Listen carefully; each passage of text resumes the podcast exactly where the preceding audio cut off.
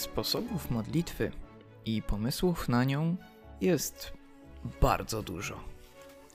Wiele osób ślepo prześciga się w tym, która modlitwa jest skuteczniejsza. Ile nowen trzeba odmówić, żeby poczuć się zaspokojonym. Ale to nie o to chodzi. Co prawda, każdy człowiek ma swój dobry sposób na spotkanie z Panem, tyle że nie możemy zapomnieć o tym, co daje nam sam Chrystus. Na samym początku dzisiejszego słowa słyszymy o ciele i krwi Chrystusa jako prawdziwym pokarmie i prawdziwym napoju. To właśnie Msza Święta jest najgłębszym spotkaniem z Odkupicielem, który wydał za nas swoje ciało i przelał swoją krew.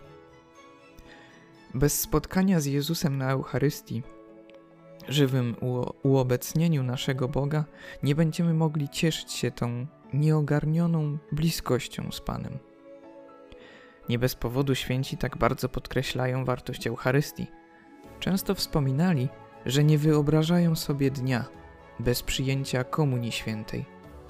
Sam Chrystus chce być tak blisko nas, że daje się nam każdego dnia na ołtarzu. Dużo zależy od nas, czy chcemy się z Nim spotkać sam na sam, czy też wolimy poświęcić swój czas na rzeczy tego świata. W dalszym fragmencie Jezus daje nam, jak na dłoni, kolejne pouczenie, jak spotkać się z Nim. Mówi, że Jego słowa są duchem i życiem. Słowo Boże jest dla mnie czymś abstrakcyjnym, wymagającym, a może czymś, bez czego nie potrafię żyć.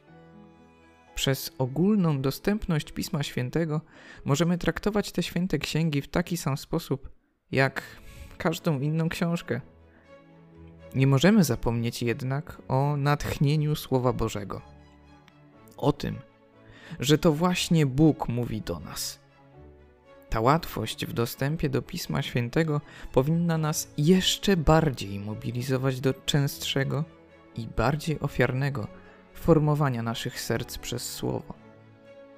Spróbujmy zadać sobie dzisiaj pytanie dotyczące naszego przeżywania Eucharystii i lektury Bożego Słowa.